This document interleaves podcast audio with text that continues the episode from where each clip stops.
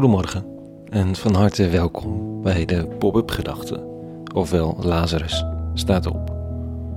Ik ben Rikke Voorberg en ik schrijf ochtends tussen 6 en 7 overwegingen om de dag mee te beginnen.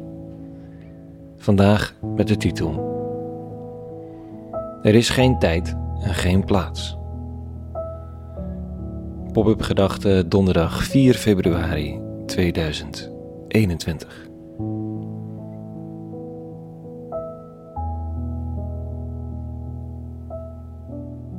Ik weet mijn tijd en mijn plaats.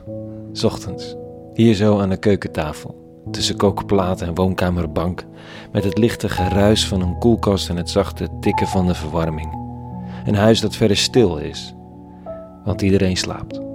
Mijn tijd, mijn plaats. Ik hoef hier even niets dan stil te zitten, voor mijn plezier in die oude teksten van vandaag te graven naar betekenis en mooie frases voor de dag die komt.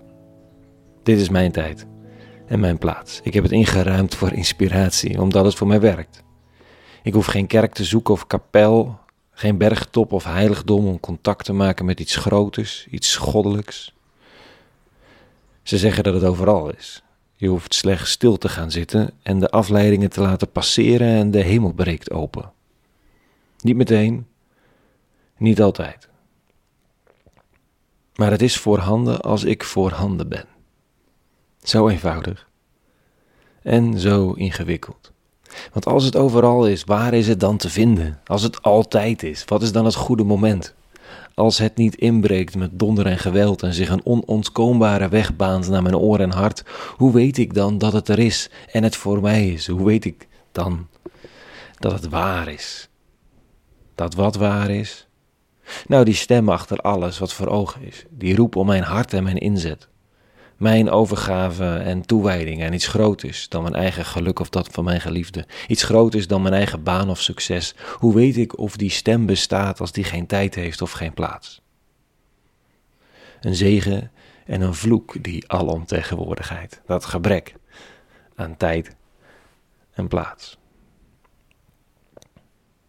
Dit staat er vanochtend te lezen in een preek aan de Hebreeën. Het is een van de 66 boeken uit die verzamelbundel die Bijbel is gaan heten. En hij is gericht aan Joden in de eerste eeuwen die aanhanger van de interpretatie van Jezus zijn geworden.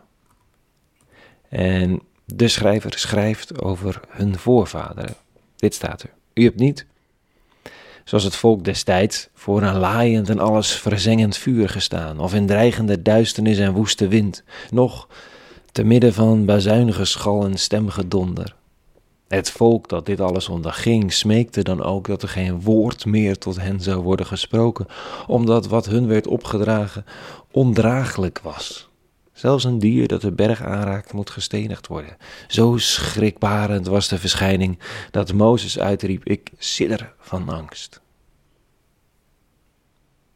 Dit is geschiedenis uit hun collectieve geheugen met grootse verfkwast geschilderd, verzengend, dreigend, woeste wind, bazuinige schal, stemgedonder. Iedereen wist waar dit was, bij de ene berg, Horeb. Iedereen wist wanneer dit was, in de vormende fase van het volk, net ontsnapt uit de slavernij van Egypte. Een duidelijke tijd, een heldere plaats en een onontkoombare stem.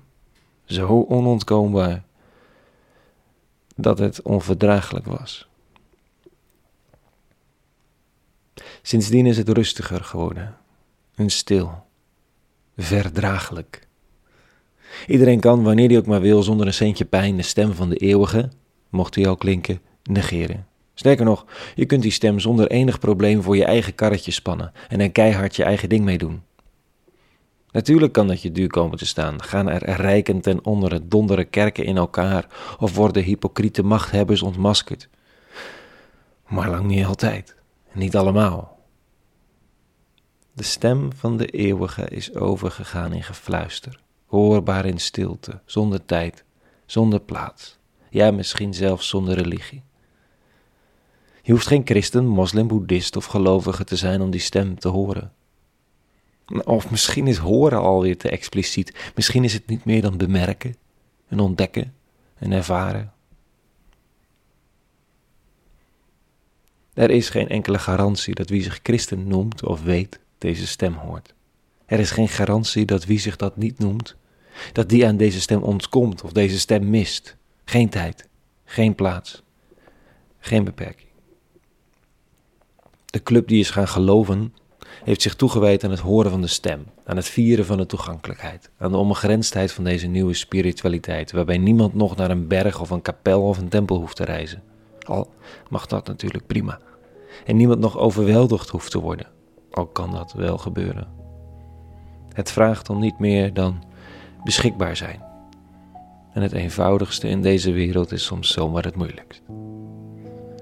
Dus ga ik zitten s ochtends om te schrijven en te delen. En wie weet dat het beschikbaarheid brengt en het onderscheiden van een stem. Een stem zonder woorden. Tot zover vanochtend. Een hele goede donderdag gewenst. Morgen weer een nieuwe pop-up gedachte en voor vandaag vrede gewenst.